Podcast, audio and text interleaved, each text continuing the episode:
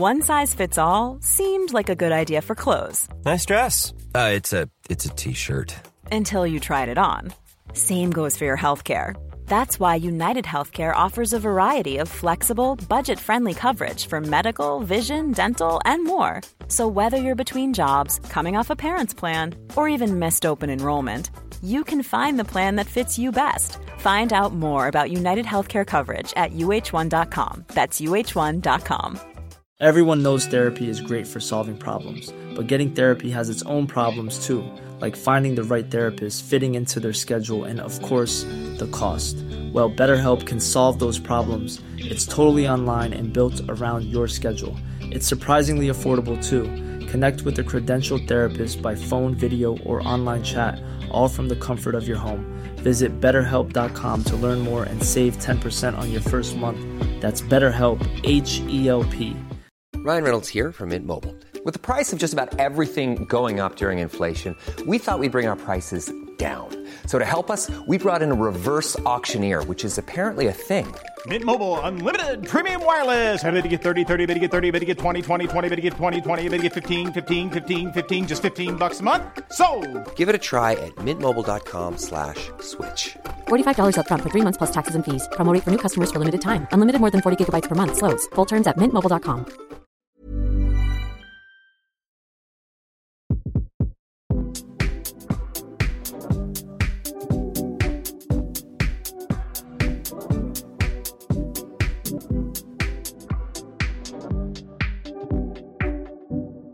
Så ja, vi er på plass i Trondheim. Det er fredag kveld. Klokka er halv åtte.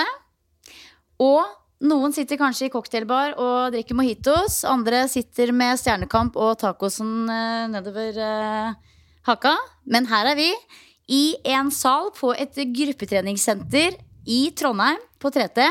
Mastermania 2023. Ja, ja, for nå har vi satt på opptakeren. Ja. Ja, ja. Da er det velkommen til alle i salen og til dere som lytter. Nå sitter jeg med typ åtte sporty fjes som stirrer på meg. 81 da med deg, Silje. Eh, Så det er litt sånn litt høye skuldre, men jeg kjenner nå i takt med at vi begynner å prate, så kommer også roa. Vi gjør altså en livepod på 3T i anledning Mastermania.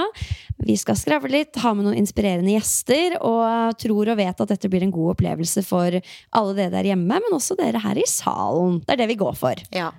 Og det er jo noe med det. ikke sant? Det er, det er et spesielt type folkeslag som møtes på treningssenter fredag kveld. Men det var som Sølve sa her i stad, at det er sånn Jeg kunne ikke tenkt meg noe. Altså, det, det er her jeg har lyst til å være. Og jeg er her fordi jeg syns det er gøy. Og det er på en måte det som er eh, Jeg tror det er det, som, det er det som er det magiske ved det. At vi som får til trening vi får ikke bare til trening, vi får til community. Og vi får til å skape bevegelser og opplevelser med eh, trening. Og det er det som gjør at eh, det blir gøy, og det er det som gjør at vi faktisk fortsetter. Ja, virkelig. Man blir veldig takknemlig, også for at man har en sånn grunnform som gjør at man kan synes sånne ting er gøy. Det er jo ikke alle som syns det er eh, superartig å hige etter pusten og bli liksom dryppende våt av svette. Men her, liksom, jo mer svette, jo større glis får vi. Og det er jo veldig fint å se. da. Vi er jo en egen rase, vi treningsfolk, men uh, her har vi samla menigheten, og vi liker det. Ja. Hva er dine forventninger til helga? Du, jeg skal bare storkose meg. Det er jo godt å komme litt ut av Østlandet og spre treningsglede også her i Trondheim. Gleder meg til å møte jeg, jeg tillater meg å si kjente fjes. Vi har jo hatt med noen av de som er her på treningsreiser og eventer tidligere, blant annet. Men så er det også mange som lytter på oss, og det er alltid veldig hyggelig å møte de som lytter på treningspodden, for da føler jeg allerede at det er en vibe der, det er en connection. Da er vi liksom litt kamerater fra før. Så eh, det gleder jeg meg også veldig til. Bare rett og slett være på en sånn evigvarende treningsfest. Hva med deg? Altså, det er jo en ære å få lov å komme tilbake og holde yogatimer og cardio play i morgen. Men eh, så håper jeg jo, selv om det er dritlange ventelister, at jeg skal klare å snike meg inn eh, på et par timer. Det var litt sånn, Vi har fått meldinger i innboksen på Instagrammen vår sånn ah, Hele systemet krasja, det er 800 mennesker på venteliste, og jeg har ikke fått plass, men jeg er nummer 70 på venteliste. Og det har jo tatt helt av, men jeg, jeg skal liksom Jeg skal prøve å være litt sånn derre snike meg inn på en eller annen time. Så jeg håper jeg skal få gå på en time med Johanna Hector, som er en av mine girl crushes.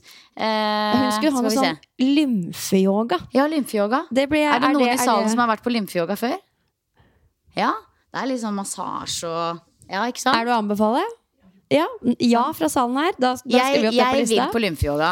Og så må vi innom 3T-shoppen. Fordi det er et eller annet med sporty trondheimsfolk. De har, det er en liten sånn eh, En fashion her som skiller seg litt ut fra Østlandet på en kul måte.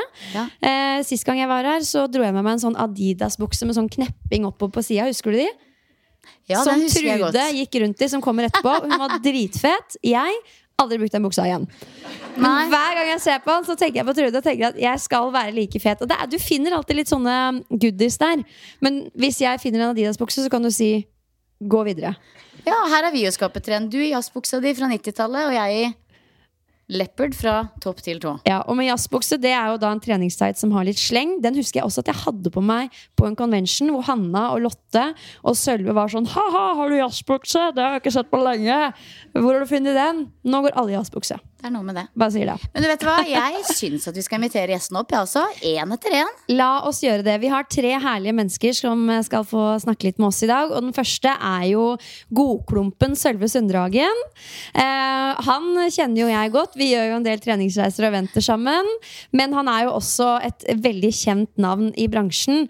Og vi skal snakke med Sølve om eh, treningsglede og folkehelse. Mye fordi han er den han er. Jeg tror aldri jeg har vært på time med Sølve og ikke sett at folk har gått fra timen med et glis. Det er ikke sikkert de alltid gliser underveis, men etterpå så er de alltid blide og fornøyde. Da. Så Sølve har et eget sånn treningsglede-gen, og det skal vi snakke litt om. Velkommen opp, Sølve Sønderhagen.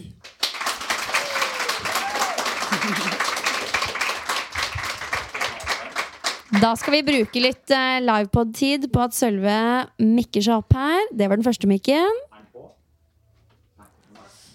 Nå må ikke du stresse Trondheim Lyd her. Skal jeg ha den nå? Å, vi leker ikke.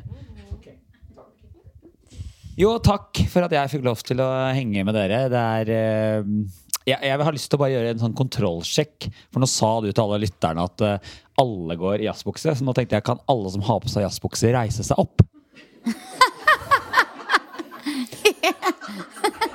Til dere som nå hører det her, det var ingen som reiste seg opp. Men kan alle som har en jazzbukse hjemme, reise seg opp?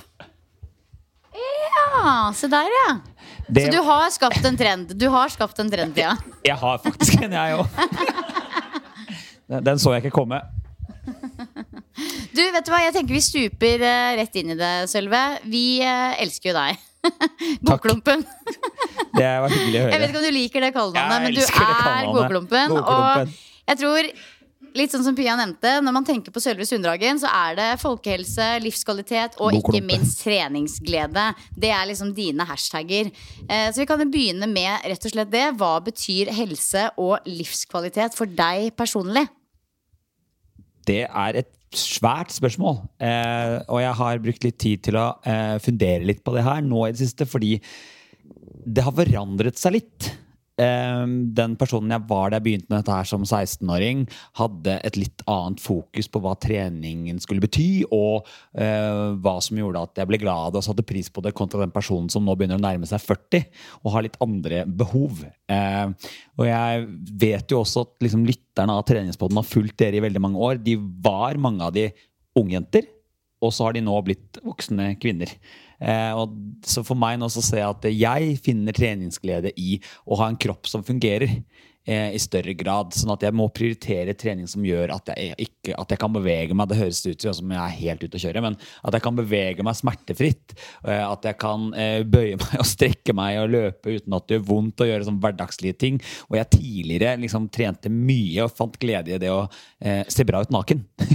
eh, litt sånn tidlig i eh, 20-årene så er jeg nå mer sånn det, det som gjør at jeg føler meg bra og gjør meg glad på trening, er at jeg kan bevege meg etterpå. Så jeg trener styrketreningen min. Den tunge styrketreningen et par dager i uka.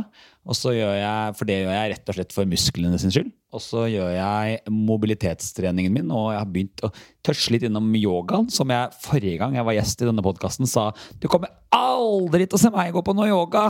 Herregud, så kjedelig. Nå får du konkurranse, Silje. Men da skal jeg bare si plutselig så pleier jeg snart 40.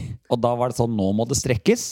Eh, så det gjør jeg for å holde meg smidig og litt roen, og så danser jeg. Jeg gjør ting til musikk, fordi at det er ingenting som gir meg så mye overskudd i hodet som det å kunne bevege seg rytmisk og kjenne på den gleden av å flyte. For det er sånn jeg opplever trening. Eh, Så treningsglede for meg nå, eh, det finner jeg i å gjøre ting som gjør at jeg kan ha det bra utenfor trening. Ga det mening? Det gir absolutt mening, og vi kan alle kjenne oss igjen eh, i det. Kanskje spesielt etter hvert som alderen sniker seg på, men også hvis man har hatt en eller annen skade eh, som har begrensa oss i at vi ikke kan gjøre det vi liker å gjøre. Da får man veldig sånn liv i fleisen, og man får en påminner om hvor viktig det er å bare holde seg skadefri og være i stand til å dra på den dansetimen, teste ut en yogatime. Vi er superheldige som har muligheten til å gjøre disse tingene, og som jeg nevnte innledningsvis, faktisk finne glede i det. Og det er en kjempemotivasjon i å holde, til å holde seg i form. Det å kunne være med på en intervalltime og være sånn Tjoho, dette er gøy! Der må vi holde oss. Eh, men syns du at treningsbransjen i Norge er eh, god nok på å formidle denne treningsledende? Mm. Det, er sånn, det er så vanskelig spørsmål, fordi at jeg sitter midt inni det. Og jeg ser jo det at vi klarer det med de som er medlemmer hos oss. Eh, vi har jo en tendens til å si nei, det klarer vi ikke. Men det er også viktig å huske at det er mange titalls tusen som velger å trene på treningssenteret fordi at vi klarer å formidle treningsglede. Så ja, til en viss type mennesker så gjør vi det. Og så er det noen som kanskje ikke eh, Som vi ikke når ut til. Men jeg er også en sånn derre og nå er det sikkert mange bransjefolk som kommer til å få helt packeren at jeg sier det her. Vi må nok også innse at det finnes mennesker der ute som ikke har noen interesse av å trene på treningssenter. Som faktisk er sånn Vi må få alle inn, sier vi hele tiden. Og så er det sånn Ja, men hva med de som ikke har lyst? De kan vi aldri få inn. Alle, selv om vi sitter her som frelste mennesker og bare elsker dette, så er det noen som syns det er gøy eh, å gå seg en tur aleine. Det er noen som syns det er gøy å være med på løkkefotball med kompisene. Det er noen som syns det er eh, gøy å gå på fjellturer. Altså, herregud Oi, er det lov å si det i podkasten? Ja. Ja, Det er- vi, har sagt, vi har sånn- sagt langt verre ting. Ok, ja, det så, eh, så, altså, jeg, jeg, jeg har hatt, hadde en periode hvor jeg jobbet ganske mye i Nord-Norge. Og der var det sånn Du bor ikke i Nord-Norge hvis du ikke går på fjelltur. Det er, treningssentrene er tomme når det er fint vær, fordi alle er ute og går på tur. Så jeg føler på en måte at eh, ja, vi er flinke til å formidle treningsglede ut til de som ønsker å være med oss. Og så har vi en litt tendens til å bruke litt for mye energi på folk som kanskje, kanskje ikke har lyst til å være med oss i det hele tatt. Så ja. Ja det, er ja, det er veldig interessant. Kan det stemme at det er 20% av Norges befolkning som er medlem av treningssenter? Jeg tror det er de nyeste tallene. Det er, det er ikke veldig mange mennesker. Men det er jo mange som beveger seg på utsida av treningssenteret, og vi skal ikke glemme at de også beveger seg. Nei, for- nei, men det er jo veldig mange mennesker. Altså 20 av Norges befolkning er jo veldig mange mennesker. Så altså, Jeg forstår at vi selvfølgelig kan gjøre mer for å nå flere, men vi må ikke glemme det at det er også mange som organiserer aktivitet i andre ting. Og så er det ingen tvil om at altfor mange er inaktive. Men det er ikke sikkert at det derre å gå inn en dør og møte 100 andre og gjøre det felles, er det nødvendigvis like viktig for alle. For folk er så forskjellige. Så jeg er litt sånn jeg, Jeg kjøper ikke helt den at treningsbransjen gjør en for dårlig jobb.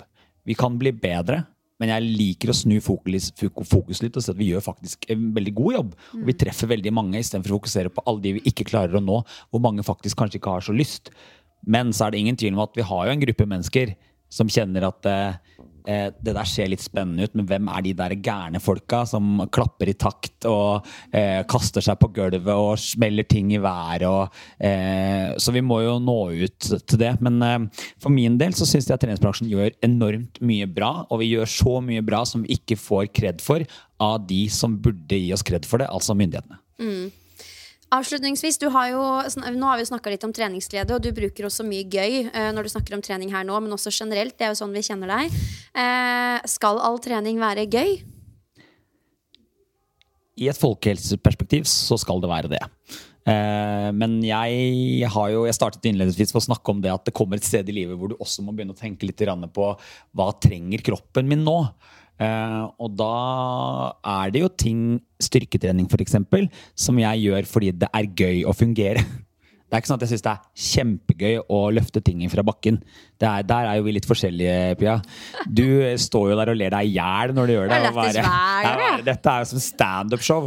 Jeg gjør det litt mer sånn åh, det er digg å fungere. Ja. Eh, så, så ja, i utgangspunktet, i et sånn folkehelseperspektiv, så er det viktigste at du har det gøy med det. Og det er det samme hva du gjør, men når du blir eldre, så er det ingen tvil om at det er noen ting du bør gjøre.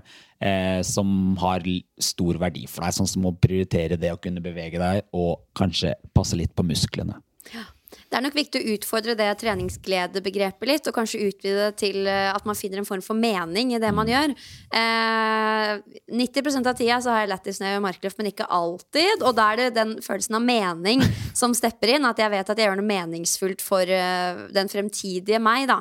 Og det tror jeg mange her kan kjenne seg igjen i også. Det er ikke alltid man syns det er supergøy å dra og løpe intervaller, gjøre burpees, kjenne den blodsmaken, men allikevel så gir det en eller annen merkelig form for mening, da, som vi blir litt sånn hekta på. Tusen hjertelig takk, Sølve. Takk. Du, I dag fremsto du faktisk ganske smart. Takk, det satte jeg Så nå, nå er du god.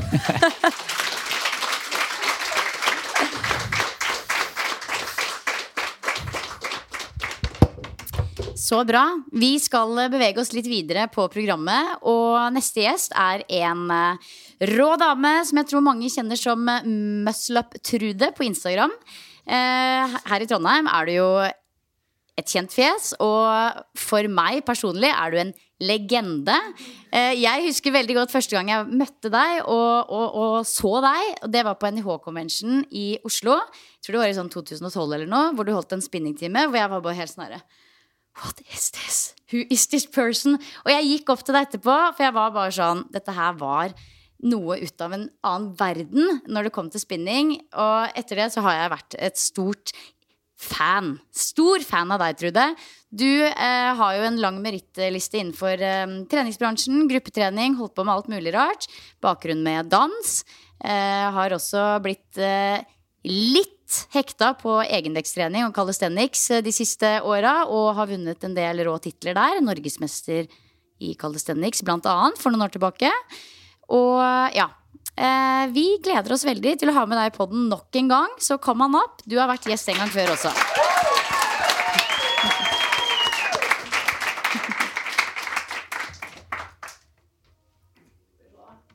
Alltid litt, eh, litt rigg med å få på, få på plass litt lyd og sånn, men det har vi tid til. Det lyser noe grønt her nå, da. Klarer oss overraskende bra her i dag. Jeg syns det går veldig smooth. Ja. Sølve, jeg tar de NM-titlene dine neste gang. Hva er det du har på lur? Spør han i løpet av helga. Eh, altså, Trude, det er veldig veldig hyggelig å ha deg her. Og det første jeg må, jeg må spørre om, det er så opplagt, men eh, desto større grunn til at jeg må spørre. Du gjør helt sjuke ting på Instagram. Ting man tenker at eh, man trenger liksom et helt liv for å få til. Og, og hver gang jeg ser videoene dine, så tenker jeg sånn Hvor lenge har du holdt på med dette her? Gjorde du dette her fra du var barna? Er det det som gjør at du får det til? Hva er hemmeligheten? Jeg har ikke holdt på fra barn, nei. Um, men jeg har alltid vært um, Jeg var et aktivt barn. Og har alltid vært uh, veldig glad i å bevege meg og i ulike former. Men akkurat uh, calisthenics, uh, litt tilfeldig, det starta jeg med for ca. åtte år siden. Da jeg var 42. Ja. Ja. Det var da du starta? ja. Oi. Men hva holdt du på med? Altså, Hva har ført deg dit du er i dag, da? Med innenfor trening? Eh, nei, altså jeg starta Det begynte vel med dans. Jeg Utdanna meg som ballettpedagog. Og kom til Trondheim og jobba da parallelt. eh, ble ansatt på 3T i 1995. Det er så rart å si. Eh, og så jobba jeg da også på et, eh, en ballettskole i byen. Og så fant jeg fort ut at det var mye mer givende å eh, jobbe med folk som kom på trening fordi at de hadde lyst til å komme på trening, eh, enn å undervise barn som måtte danse ballett fordi at kanskje mamma ville at de skulle være der. da. Så, eh, og så var det ganske ensomt eh, å jobbe som ballettpedagog. Du drar på jobb når de aller andre som regel drar hjem, eh, og ikke så mange kollegaer. Så når det åpna seg mulighet for å jobbe i større grad eh, på 3T, så var det veldig lett for meg å velge det, da.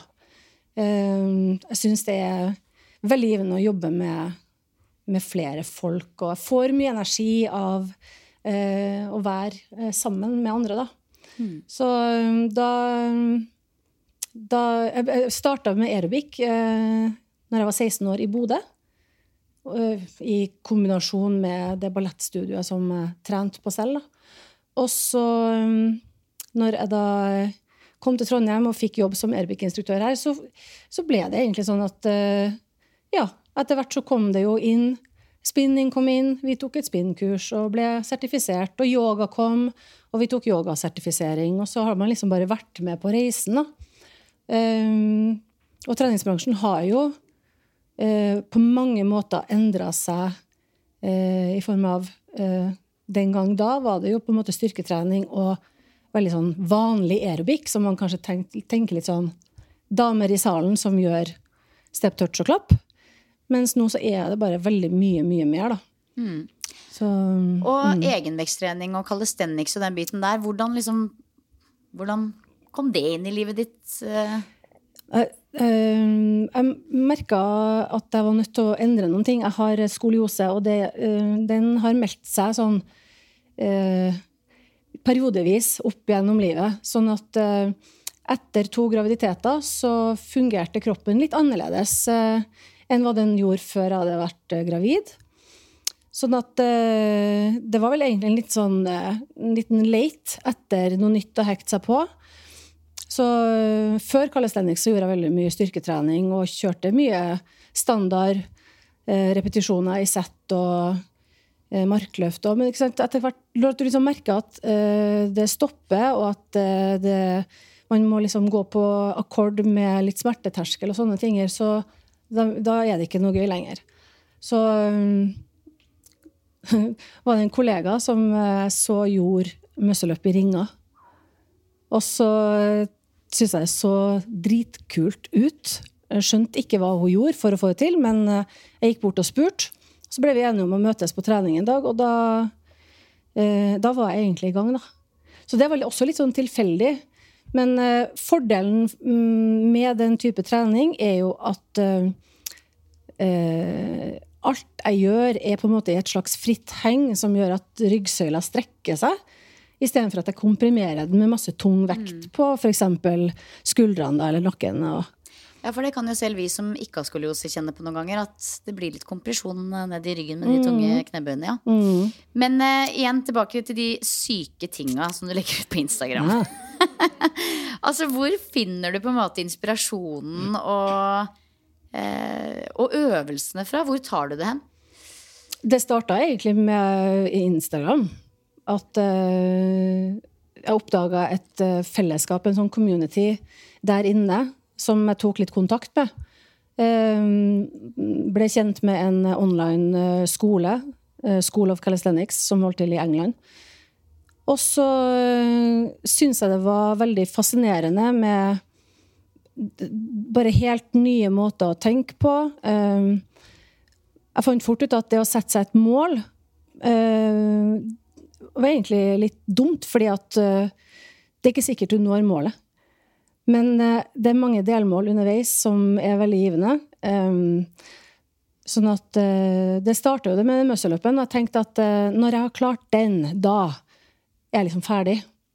Men med en gang den satt, så kjente jeg jo at jeg var sugen på å lære det i stang, på stang. Og så ble jo det miljøet inne på Instagram Det er jo litt sånn at det du interesserer deg for, det er jo det du får i feeden.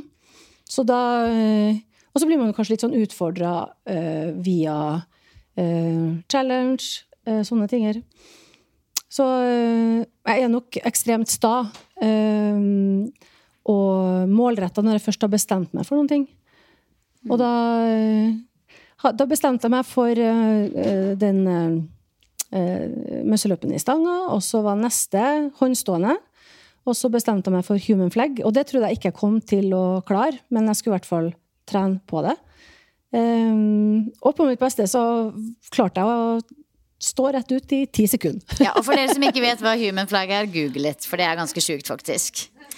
Og nå er vi jo en sal full av eh, kvinner. Vi er vel eh, 81, ja, som du Ja, nevnte. Pia. Mm. Det er mange her, og i mange aldre. Men uh, hvorfor tenker du at styrketrening er ekstra viktig for kvinner? Kanskje oss kvinner over si 30? Å ja. Det er jo også et, eh, det er et stort spørsmål med mange lag, da. Eh, Det ene er jo at eh, vi er nødt til å forberede oss på å bli gammel. Og jeg tenker at eh, jo tidligere man starter med en sånn god vane på styrketrening, jo bedre. Og hvis man i tillegg blir glad i det, og finner glede i Det sånn som du snakka om, Pia, at du liksom gleder deg til å gå på trening. Så er jo det også fantastisk, for da vil du holde det ved like. Jeg er blitt 50 og driver og lurer borti overgangsalderen. Eh, og det kan jo skje fra Ja, det skjer jo noe med kroppen, kanskje ettersom du sier, fylte 30, da. Eh, at det er noe, det er noe eh, produksjon av østrogen og progesteron som gradvis skrues igjen. Og det vil jo gå utover muskelmasse, som igjen vil gå utover beintetthet.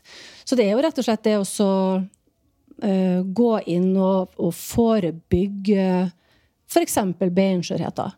Men så er det jo alle de andre fordelene som man har med, med styrketrening. Jeg vet ikke om dere kan relatere, men det å føle seg sterk i sin egen kropp er helt fantastisk. Og det er litt sånn, i mangel av et bedre ord, empowering. Um, og har alltid syntes at det å være sterk har vært veldig kult. På barneskolen så ville jeg gjerne bryte håndbak med guttene i klassen. Um, sånn at eh, Så det er jo er jo heldig, da, som har en, en oppriktig glede av å trene sånn. Eh, og så må de som kanskje ikke syns styrketrening er så artig, eh, legge inn større innsats og, og mm, Ja. Men det er viktig at vi prioriterer det. Og så tror jeg at den psykiske helsa også er, er jo absolutt med inni det her. For eh, eh, det å føle seg sterk, og det å føle seg bra, og det å være sterk, og det å bruke energi, eh, det er jo vist om og om igjen det gjennom forskning at det er veldig, veldig viktig for oss. Da. Mm. Absolutt. Og det er veldig inspirerende å følge deg, fordi vi, vi kjenner jo gruppetreningshjertet ditt, øh, også fordi du er en del av 3T. Eh, men å se at du kombinerer det med den styrketreninga du gjør, at det er fullt mulig Mm. å få det beste fra begge verdener. Eh, du var jo litt inne på det, men sånn avslutningsvis, hva gjør treninga for deg på et personlig plan? Det er en stor del av min identitet. Den gjør meg hel. Jeg tenker at Hvis jeg hadde mista det, så hadde jeg mista mye av meg sjøl. Mange ganger tenkt på hvis at jeg ikke hadde valgt, tatt alle de valgene jeg hadde tatt, hvor jeg hadde vært da. Eh, og det er veldig vanskelig å se for seg at jeg skulle gjort noe annet enn eh, enn det her, da. Det er veldig viktig for meg, ja. ja. Har du noen gang fått høre av de rundt deg, enten nå eller liksom opp igjennom, at oh, du trodde du trener for mye, du bruker for mye tid på trening. Det fins andre ting i livet. Ikke ofte, nei. Nei. Nei. Ehm, og det tror jeg også fordi at det er jo jobben min. Sånn at uh, det, det, det blir vanskelig å skulle uh, For en utenforstående person så kan det jo ses ut som at man trener hele tida, men man er jo mye på jobb. Og eh, mange vil nok bli overraska over at jeg trener ikke så mye. Hvor mye trener du? Tre til fire ganger i uka. På, med økter på sånn en time, halvannen Ja, rundt en time. Det, hvis at jeg virkelig eh, luller meg inn i en god sone, så kan jeg holde på halvannen time. Men én time er som regel nok. Det, calisthenics krever ganske mye fokus og konsentrasjon. Sånn at eh, det er ikke sånn at du eh, kan eh, høre på høy musikk eh, og tenke at nå skal jeg trykke ut tolv reps. Det er heller bedre at det nesten er stille, sånn at man kan koble på alle de lagene som man må ha med seg. Mm. For det er, det er ganske krevende, og spesielt kanskje ja, typ håndstående. da. Hvis du har veldig mye forstyrrelser. Jeg vet ikke om det er noen som står på hender, men du blir veldig satt ut hvis det er ting som foregår rundt deg, eller hvis man har mye høy musikk i, i ørene. Altså nå skjønner jo jeg Jeg har jo en liten muscle-up-Silje på sida her. Nå skjønner jeg hvor all innspot kommer fra, Silje. Ja, ja, ja. Ja, ja, ja. Hvordan ligger du an? Uh, Nja Jeg kan jo kanskje vise deg i morgen.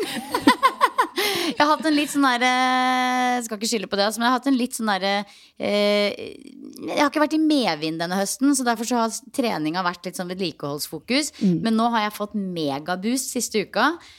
Og det er jo det som skal til. Det er jo med en gang man får en sånn liten boost, det er da man knekker koden. Men det skal jo sies her, da, jeg har kollega Pia Eliassen som sitter på sida her. Vi skulle teste sammen i vår. Siste liksom, økta vår før vi tok sommerferie. Hun klarte det, jeg gjorde ikke.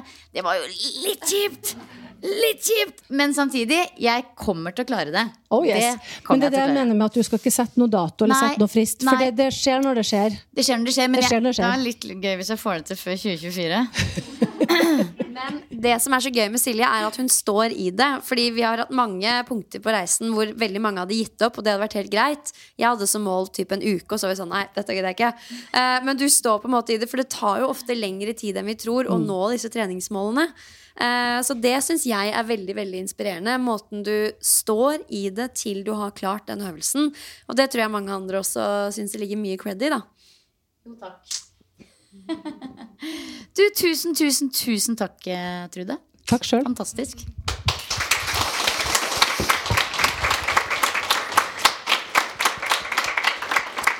Så har vi også med oss en eh, godkar, og det er vel kanskje han vi er mest nysgjerrig på. Sånn helt ærlig. Eh, Godeste Per. Eh, vi har, Du aner ikke hvem jeg er, tror jeg. Det er helt ærlig, det tror jeg ikke du gjør. Men vi har gått forbi hverandre i gangene på så mange treningseventer opp igjennom. Eh, hvor jeg er sånn Der er Per. Der er Per. Du har en sånn egen aura. Og vi sto og spionerte på deg i salen her når du holdt denne house-teamen din, og du, du har så syk pondus eh, som trener. Det er, det er litt sånn hallelujastemning. Så du er liksom litt sånn eh, gruppetreningsguru. Og for dere som ikke da vet hvem Per er, så er han eh, han, altså, du er en helt sjuk, rå gruppetreningsinstruktør med stor suksess internasjonalt. Og det er på en måte litt av det som How would you like to look five years younger? In a clinical study, people that had volume added with Juvederm Voluma XC in the cheeks perceived themselves as looking five years younger at six months after treatment. Look younger, feel like you. Add volume for lift and contour in the cheeks with Juvederm Voluma XC. Reverse signs of aging by adding volume to smooth laugh lines with Juvederm Volure XC. For important safety information and to find a licensed specialist, visit juvederm.com. That's J U V E D E R M.com. Not for people with severe allergic reactions, allergies to lidocaine, or the proteins used in Juvederm. Common side effects include injection site redness, swelling, pain, tenderness, firmness, lumps, bumps, bruising, discoloration, or itching. There's a risk of unintentional injection into a blood vessel, which can cause vision abnormalities, blindness, stroke, temporary scabs, or scarring. Talk to a licensed specialist to find out if it's right for you. Hey, I'm Ryan Reynolds. At Mint Mobile, we like to do the opposite of what Big Wireless does. They charge you a lot, we charge you a little. So naturally, when they announced they'd be raising their prices due to inflation, we decided to deflate our prices due to not hating you. That's right. We're cutting the price of Mint Unlimited from $30 a month to just $15 a month. Give it a try at mintmobile.com slash switch. $45 upfront for three months plus taxes and fees. Promo rate for new customers for limited time. Unlimited more than 40 gigabytes per month. Slows. Full terms at mintmobile.com. Ever catch yourself eating the same flavorless dinner three days in a row? Dreaming of something better? Well, HelloFresh is your guilt-free dream come true, baby. It's me, Kiki Palmer. Let's wake up those taste buds with hot, juicy pecan-crusted chicken or garlic butter shrimp scampi. Mm. Hello Fresh. Stop dreaming of all the delicious possibilities and dig in at HelloFresh.com. Let's get this dinner party started.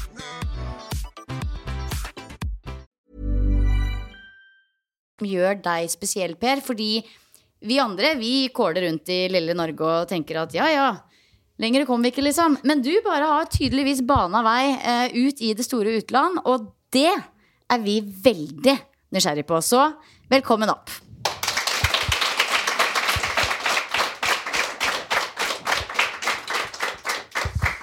Per Markussen der, altså. Ja, ja, men.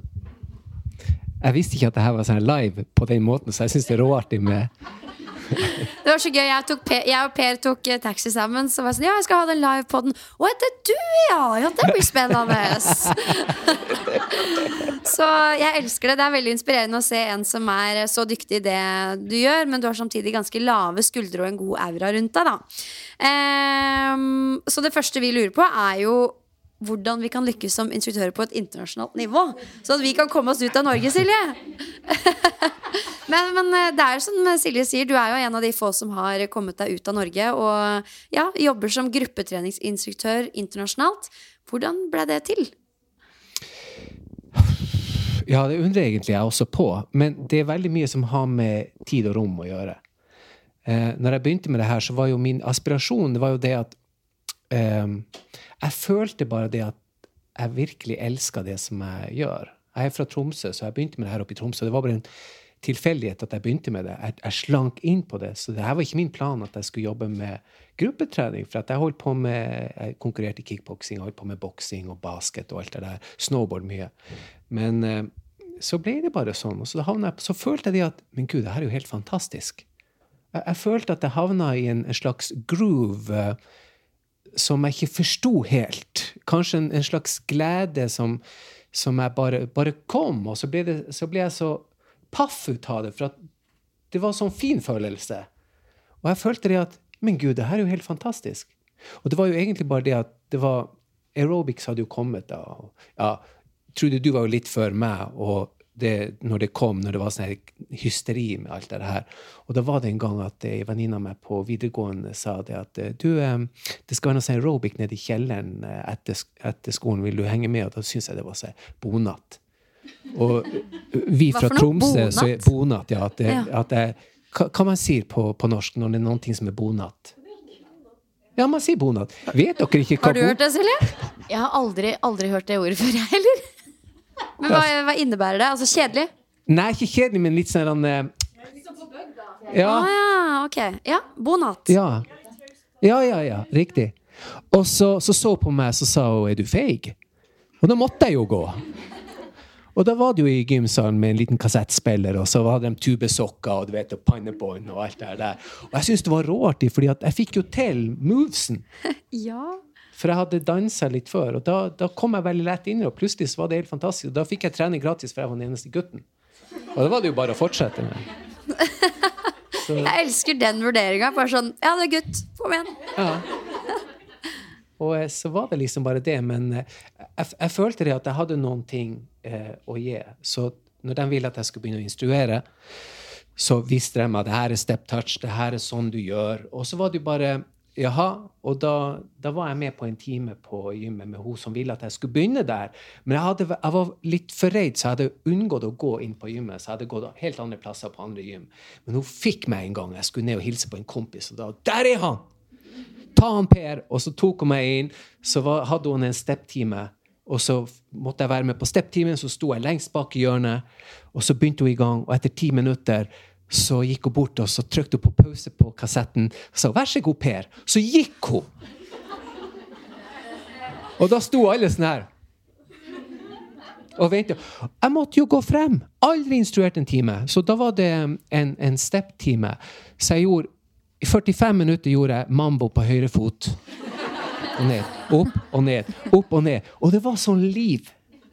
Og helt på slutten så klarte jeg å gjøre kneløft, så jeg gikk fra mambo i 45 minutter til kneløft. Og da tok det helt av. Og etter det så var jeg instruktør.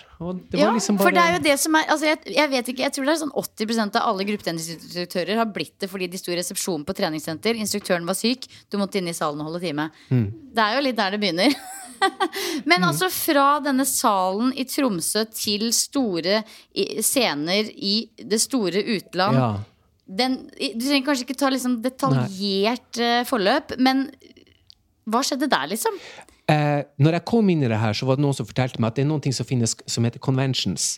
Jaha, det er der de store folkene instruerer og kommer inn, og så blir man inspirert. Og det var noen som sa du, du må dra til Mastermania. Det var i 95. Og da jeg visste ikke hva det var. Og da fikk jeg med ei venninne fra Tromsø. tenkte vi må se på det her. Så hadde jeg jo fått studielån, og da var det lett å dra ned til Trondheim.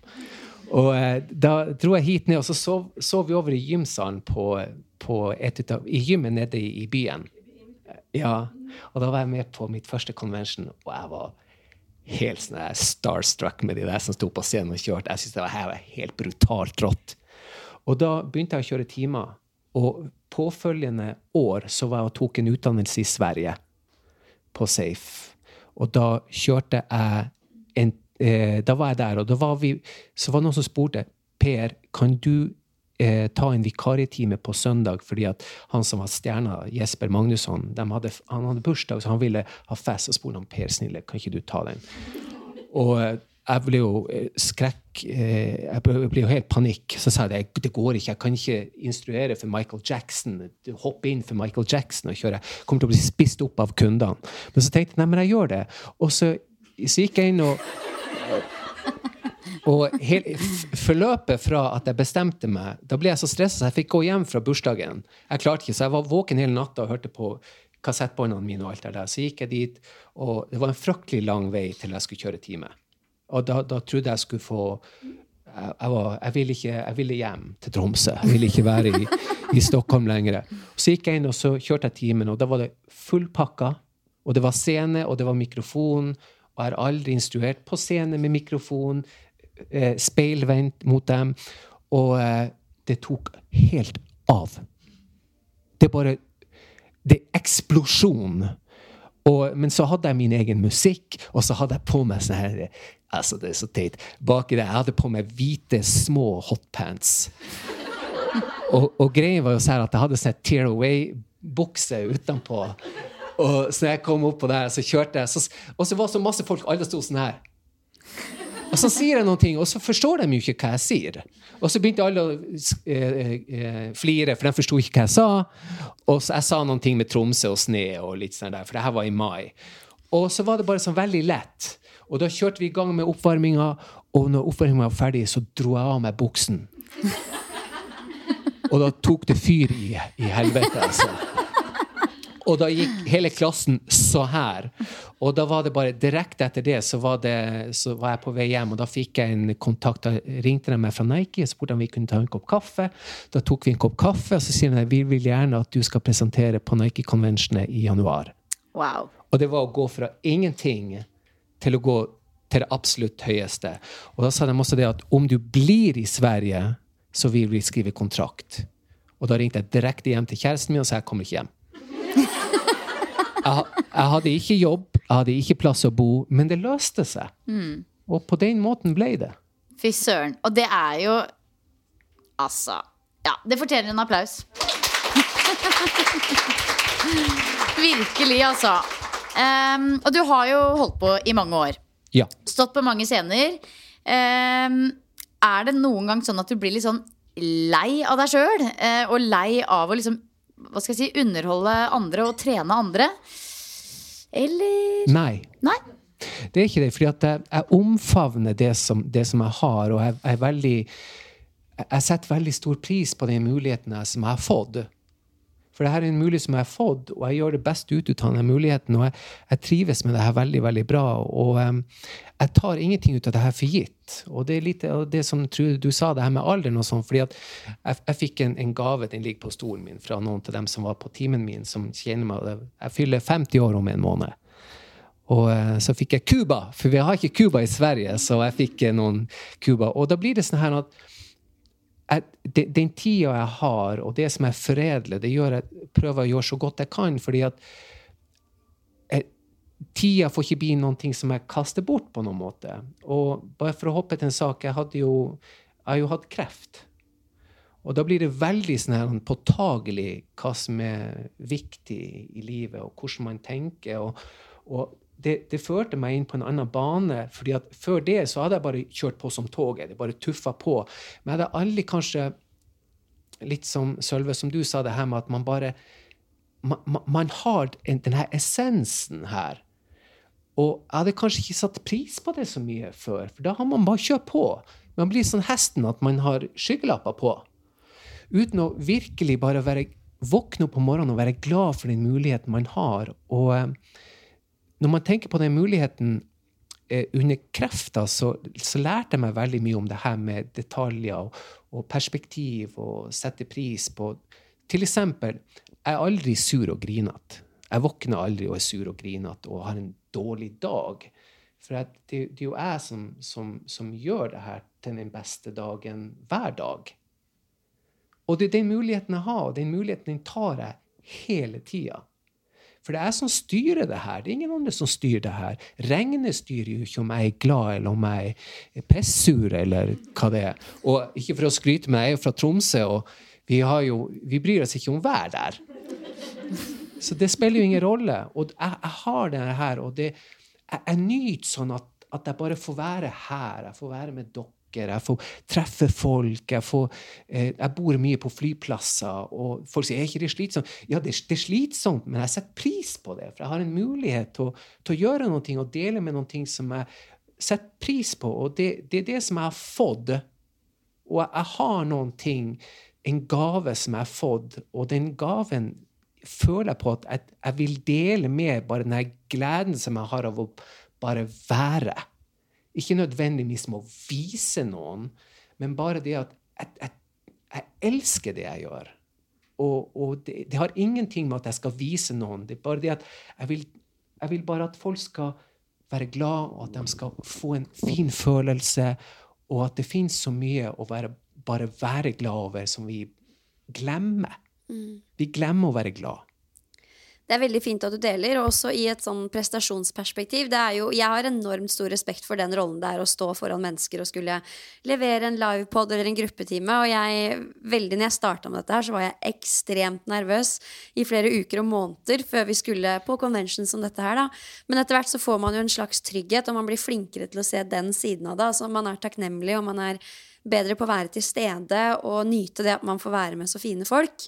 Og da blir, altså Man har fortsatt respekt for situasjonen, men man klarer å senke skuldrene litt og nyte det litt mer. Da. Og det tror jeg også reflekteres eh, til de som er med på økten. Vi så på deg her i stad når du hadde time, og det det så ut som du koste deg minst like mye som deltakerne. Og det føler jeg vi også ser på Sølve sine timer, når vi ser Trude in action. Det er det som går igjen da hos de gode folka, at eh, man koser seg med det. Ja, du vet, jeg tror det er for, for meg og Trude og Sølve det, det, er veldig klassisk det her at for oss er ikke det her jobb. Det er vi. Og da er det ikke jobb, men det, det er en, en, deling av noen ting som vi elsker, helt enkelt. Og da blir det så mye lettere å gjøre det, for vi ser det ikke på det her med jobb. Og jeg vet at dere vet hva jeg prater om, for jeg tror dere har akkurat samme. Og da blir det en helt annen sak. Om man skulle endre på perspektivet og tenke på at det her blir jobb, da blir det en annen sak. Men det som er det fantastiske med det, at da kan jo du endre det til å bli det fineste du vet. For det er jo det vi har her inne, og det vi kan bestemme oss. Og det er det som er det her eksistensielle aksiom. Når vi jobber på bevissthet, medvetenhet på svensk, da kan man bestandig da har man kontroll over sin egen situasjon og kan bestandig gjøre det beste ut av det. Når man begynner å føle at kanskje jeg blir stressa, eller kanskje jeg blir lei meg, eller noen ting, så kan du bestandig kontre det her til den beste mulige måten. Det som jeg sier, at det ikke det er ikke farlig å være lei seg eller å være sur, eller noe, men du har bestandig muligheten til å styre gleden, uansett hvordan det er rundt en. Og det er det jeg setter sånn pris på, for jeg jobber veldig mye med de her tingene her.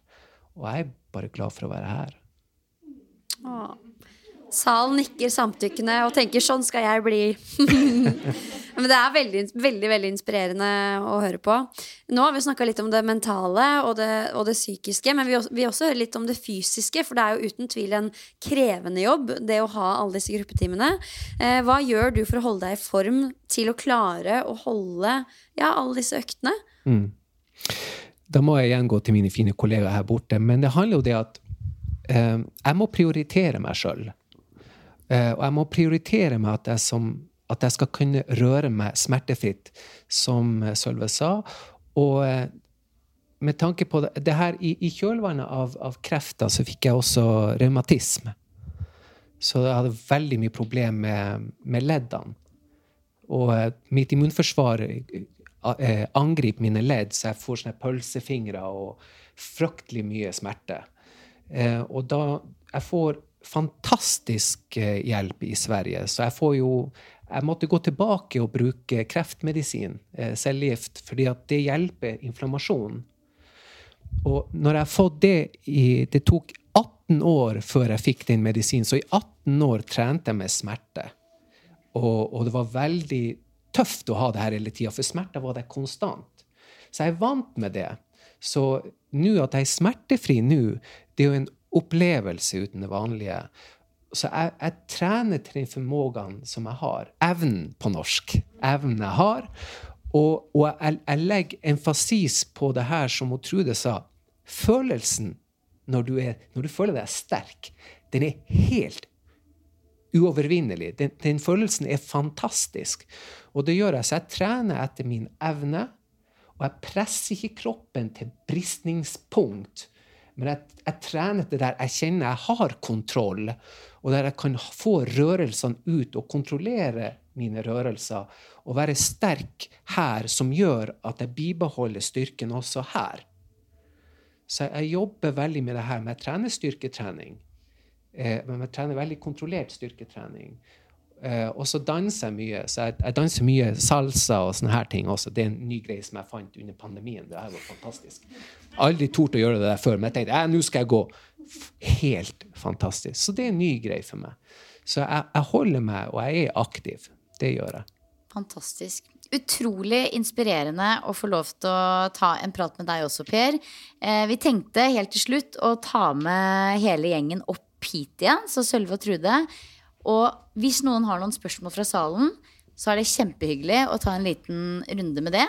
Ehm, jeg har jo tusen spørsmål igjen til dere tre, begge to. Altså, altså alle tre, egentlig. Det er så tusen ting jeg lurer på. Dere er jo veldig fascinerende og inspirerende vesener, alle tre. Så det er liksom litt sånn man har bare lyst til å liksom virkelig juse ut det som bor i dere. Bruke det for alt det er verdt. Men uh, dere som har uh, vært uh, her i dag, kan jo gjerne rekke opp hånda og stille spørsmål. Og så gjentar jeg det i mikrofonen, så lytterne våre også på mandag kan få lov å høre. Er det noen som har noen spørsmål? Eller er det kanskje noen av dere som lurer på noe om hverandre?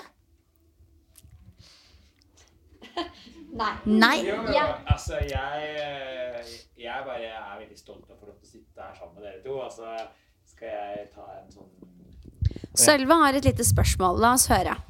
Nei, spørsmålet mitt var egentlig Å ja, den nå, ja. Dere hører meg, sant? Spørsmålet mitt var egentlig bare en sånn der Jeg, jeg, jeg har alltid tenkt sånn at jeg ikke kan bli voksen i treningsbransjen. Det har jeg alltid tenkt, for jeg har tenkt at treningsbransjen er for unge folk. Eh, og de siste årene så har jeg kjent veldig mye Jeg var han unge, gærne, kule. Eh, og nå driver vi og ansetter folk som er født sånn 2005 og sånn. Skjønner du? Da er det bare sånn eh, eh, Og derfor vil jeg eh, bare si at jeg syns det er enormt inspirerende å se spreke mennesker som er spreke i både kroppen og hodet, som fortsatt elsker denne bransjen. Eh, fordi det har vært, og jeg har også hatt sånne stemmer rundt meg som har vært sånn Når skal du få deg en ordentlig jobb? Når skal du bli voksen? Når skal du slutte med dette her? Og så har jeg alltid tenkt sånn Ok, men jeg elsker det jo. Jeg elsker å få lov til å reise. Folk er sånn, Vennene mine er sånn Hvorfor gidder du å reise til Trondheim i helga? Er det ikke deilig å være hjemme og feste? Eller bli med? Og så er jeg sånn Man skjønner ikke hvor gøy det er. Du skal jo på fest. Ja, jeg skal jo på fest. Den er bare, den er bare mye bedre å våkne etter. Det er liksom Hangoveren fra et treningsfest er litt diggere, da. Eh, så det veldig, jeg veldig, blir veldig inspirert av å få lov til å sitte her sammen med dere to. Spesielt fordi at dere har jo pusha noen flere år enn meg i denne bransjen. Og det er noe som sier meg at dere kommer til å være her i ganske mange år til. Så jeg vil bare liksom si eh, takk til at dere faktisk gidder å vise det at dette er en bransje man kan bli voksen i. Fordi det er ingenting annet jeg har lyst til å jobbe med enn dette. Så det var ikke et spørsmål, det var bare et innspill. Det var et veldig veldig fint og viktig innspill. Um, ok, Da lurer jeg på Vi jobber jo i treningsbransjen. Vi opererer i treningsbransjen, alle dere som lytter, og også alle dere som sitter her. Og veldig mange forbinder jo uh, trening med hvordan man ser ut, at vi er her for å se ut på en bestemt måte. Så kommer vi alle over den kneika, men det er ikke alle som forstår det nødvendigvis. Og for dere som har vært og er på innsiden av treningsbransjen, kan dere kjenne på, eller har dere kjent på uh, altså kroppspress eller et press om å måtte se ut på en bestemt måte fordi dere jobber med trening? Ja. Eh, to strek under ja, eh, definitivt. Eh, men igjen så tror jeg at det er Det følger nok eh, litt hvor man er i livet. Um, vi var nettopp på en, en jobbtur til uh, Italia og besøkte Technogym Village, hvor de produserer utstyr. Og der fikk vi ganske mange kule, egentlig litt sånn kort, korte foredrag, da. Og og noe av det handler jo om, om, trender, og hvor på en måte bransjen og, og brukerne av bransjen er i dag. Uh, og da var de veldig tydelige på at uh, unge gutter fra 16 år og opp Det blir jo veldig generaliserende, men de er nå opptatt av bodyshaping. Uh, ikke interessert i verken PT eller uh, egentlig så mye annet enn akkurat sin styrketrening, og de har gjerne sin motivasjon med seg i lomma på mobiltelefonen.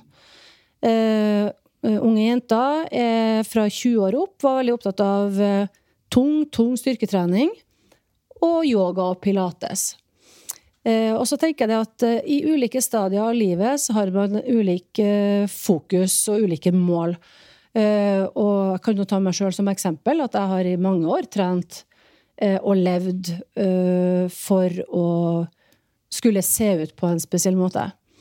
Eh, og hvis man ikke er helt eh, eh, med på alle skulle si, eh, Hvis man føler at man blir pusha mye i ulike retninger, da, så kan man jo miste litt fotfeste. Så jeg sa jo i stad at jeg alltid har vært veldig opptatt av å være veldig sterk. Bortsett fra en veldig tøysete periode hvor jeg var veldig opptatt av å være tynn. Mm. sånn at eh, den ytre påvirkninga er jo mye sterkere når man er i en sår, mer sårbar fase. Og så når man blir eldre, så kanskje man eh, lander litt mer og får et annet forhold til både egen kropp, kanskje for oss jenter, da, etter en graviditet, etter en fødsel. Eh, altså kroppen den, kom, den kommer til å gjøre sin greie, den. Uansett. Eh, og så en dag så kjenner man det at eh, det er ikke så farlig. Eh, og det er veldig godt. Eh, og så samtidig har man gleden med å være i aktivitet, da. Så ja, det endrer seg jo absolutt. Og jeg tror at det å ikke Det å klare å komme seg unna eh, noe fokus på kropp i vår bransje, det tror jeg nesten er umulig. Ja, Hvordan er det med dere gutta? Har dere kjent på noen type kroppspress fordi dere har den rollen og det yrket som dere har? Ja, det er Det har gjort, vært mye snakk om det her. Jeg snakker ut ifra Sveriges eh, Ettersom det er der jeg har bodd nå. Eh, Jeg har personlig så klarer jeg meg ganske bra ifra det her, fordi at jeg tenker ikke på det. Jeg, jeg, jeg lar ikke det være et, et forstyrrende moment uh, for meg. Så jeg lar ikke det påvirke meg negativt. Og det har jeg klart å holde meg ifra. Så er jeg jo midt i løvens hule der nede i Stockholm når alt er pang på, og det skal hist og pist. Men, men, eh, men jeg, jeg har sjøl klart å forskone meg fra å bli påvirka av et, noen form for kroppsideal. Uh, og uh, jeg har bestandig vært ganske tynn. Jeg var veldig overvektig da jeg var liten, frem til jeg var 15. Veldig, veldig Jeg var diger. Så, eh, så jeg har gått gjennom hele den biten der med mobbing og faenskap. Eh, men etter det så har jeg, jeg har klart å, å skjerme meg bra. Så jeg har, jeg har, trivdes rett bra, og jeg har ikke latt meg sjøl bli påvirka. Men eh, med den erfaringen som jeg har hatt, så har jeg sett veldig mye folk som ikke har hatt det bra. Og enormt mye folk som, som sliter av eh, miljøet rundt. Eh, og da har jeg sett tunge, tunge ting, for jeg jobber med folk som har det dårlig. Så, men sjøl har jeg klart å, å komme meg unna den biten der. Men man, jeg tror man har det noen ting baki her uansett. eh, På noen måte. At man er, med, man er bevisst at det er noen ting her, og at folk ser og har sine oppfatninger. Men jeg bryr meg ikke hva folk syns. Fordi at jeg er meg, og dem er dem. Veldig bra. Det er, man er jo litt på utstilling eh, Ja. når man har den type jobben. Det er jo, eh, ja, man, man legger jo merke til at noen ser litt ekstra i det du putter i handlevogna på oh. Kiwien. Og, Ja ja, litt ekstra nysgjerrige. Mm. Mm. Så bra. Er det noen andre som har noen spørsmål, eller? Må høre hva Sølve har å si om eh, saken også. Ja. Hva tenker du om sakens kjerne, Sølve? Jeg tenkte kanskje at jeg ikke hadde noe å si, for jeg syns det var oppsummert godt. Eh, um, men jeg, bare, jeg vet jo at mange av lytterne er litt yngre, og det er veldig fint. Jeg føler alltid at det er en sånn liten person som sitter og gnager på skuldra sånn innimellom. Men eh, jeg merker at for hvert år som går, så blir stemmen hans lavere og lavere. Og nå er det ikke noe sånn at jeg tenker så mye på det. Og så tror jeg det er veldig viktig å forstå at du kommer til å ha liksom dårlige dager. Men det betyr ikke at du har et dårlig liv. Eh, for jeg har også dager hvor jeg snakker skikkelig stygt til meg sjøl, og det kan være ytterligere indre påvirkning til det. Men jeg vet også med det at ok, i dag er det en skikkelig kuk dag. Eh, livet suger, og jeg snakker stygt til meg sjøl. Eh, ja, du sa det var greit? Ja. du sa det var greit. Eh, Eller ville og gærne siden det er fredag. ja, i dag har jeg en, en sånn dag, eh, og så lar jeg det være det, men det betyr ikke at jeg har et sånt liv. Eh, og det tror jeg er en, kanskje en ting veldig mange eh, trenger å høre litt oftere. Fordi eh, det er nok litt lett å melke det negative. Eh, eller melke det vonde og tenke at jeg er en, et sånt menneske fordi jeg tenker sånne tanker. Men tanker og, eller følelser er ikke alltid sannheter. sant? Det du føler, er ikke nødvendigvis sant. Så jeg tenker sånn ok, denne dagen suger. Kom meg gjennom det. I morgen er en ny mulighet, eller kanskje det blir bedre om en time. Men jeg er i hvert fall den personen som sitter og snakker om at du er litt drit på skuldra mi noen ganger. Han får mye mindre plass eh, for hvert år som går. Og jeg vil bare si det sånn, altså Jeg nærmer meg 40 med stormskritt. Det er et par år igjen. Men det er så deilig. Altså Jeg ville aldri ha vært sorry, det er sikkert mange her, aldri ha vært 5-26 igjen. Aldri! Altså Velkommen til voksenlivet. Du får til og med voksenpenger. Det er mye morsommere. Ja, det kommer en del trygghet etter hvert som man blir eldre. Jeg husker når jeg studerte til PT og skulle liksom gå ut og være nyutdanna PT. Da kjente jeg på et veldig press og nærmest en sånn angst fordi at jeg måtte se ut sånn og sånn i den tightsen. Eh, og det presset jeg vet ikke nødvendigvis om det kom utenfra, det var like mye innenfra. Og så blir det kurert gradvis nettopp ved at man blir eldre. Og så føler jeg også at treningsbransjen har endra seg mye. Vi har en mye større forståelse av hva en trent kropp er, og hva det kan innebære. Vi er ulike. Noen er født som fyrstikker, andre er født som epler. Og det er veldig slitsomt å være en fyrstikk og hele tiden ønske at du skulle vært et eple. Ikke sant? Så det handler om å akseptere den du er, og gjøre det beste ut av det. Eh, og anerkjenne og sette pris på trening for alle de andre grunnene vi gjør det, enn bare hvordan vi ser ut. da. For det har så lite å si sånn i det store og det hele. Absolutt. Helt enig. Og vet du hva? Det er søren meg dott rett og slett akkurat 60 minutter, eh, Pia. Vi har jo pleid å bikke 60 minutter i det siste, men vi skal ikke gjøre det når folk skal hjem til fredagstacoen og gullrekka og greier. Ja, greier. ja. Men jeg syns vi klarte oss fint, jeg. Ja. Ja, hva syns dere?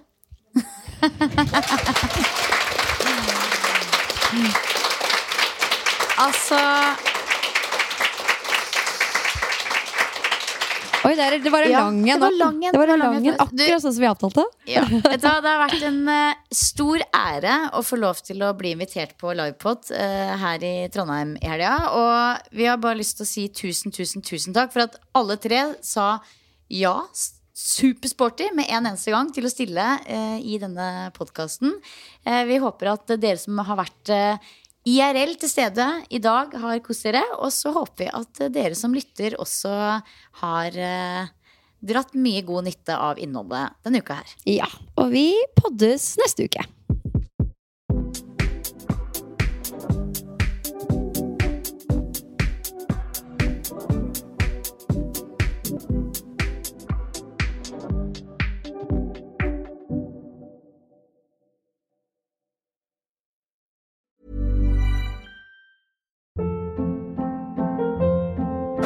Hold up. What was that? Boring. No flavor. That was as bad as those leftovers you ate all week. Kiki Palmer here, and it's time to say hello to something fresh and guilt-free. Hello Fresh. Jazz up dinner with pecan-crusted chicken or garlic butter shrimp scampi. Now that's music to my mouth. Hello Fresh. Let's get this dinner party started. Discover all the delicious possibilities at hellofresh.com. Planning for your next trip? Elevate your travel style with Quince. Quince has all the jet setting essentials you'll want for your next getaway, like European linen, premium luggage options, buttery soft Italian leather bags, and so much more. And is all priced at 50 to 80% less than similar brands. Plus, Quince only works with factories that use safe and ethical manufacturing practices. Pack your bags with high-quality essentials you'll be wearing for vacations to come with Quince. Go to quince.com slash pack for free shipping and 365-day returns. Imagine the softest sheets you've ever felt. Now imagine them getting even softer over time. That's what you'll feel with Bowl and Branch's organic cotton sheets. In a recent customer survey, 96% replied that Bowl and Branch sheets get softer with every wash. Start getting your best night's sleep in these sheets that get softer and softer for years to come. Try their sheets with a 30-night guarantee. Plus, get 15% off your first order at bowlandbranch.com. Code BUTTERY. Exclusions apply. See site for details. Mom deserves the best, and there's no better place to shop for Mother's Day than Whole Foods Market. They're your destination for unbeatable savings, from premium gifts to show-stopping flowers and irresistible desserts. Start by saving 33% with Prime on all body care and candles. Then get a 15-stem bunch of tulips for just $9.99 each with Prime. Round out Mom's menu with festive rosé, irresistible berry chantilly cake, and more special treats. Come celebrate Mother's Day at Whole Foods Market.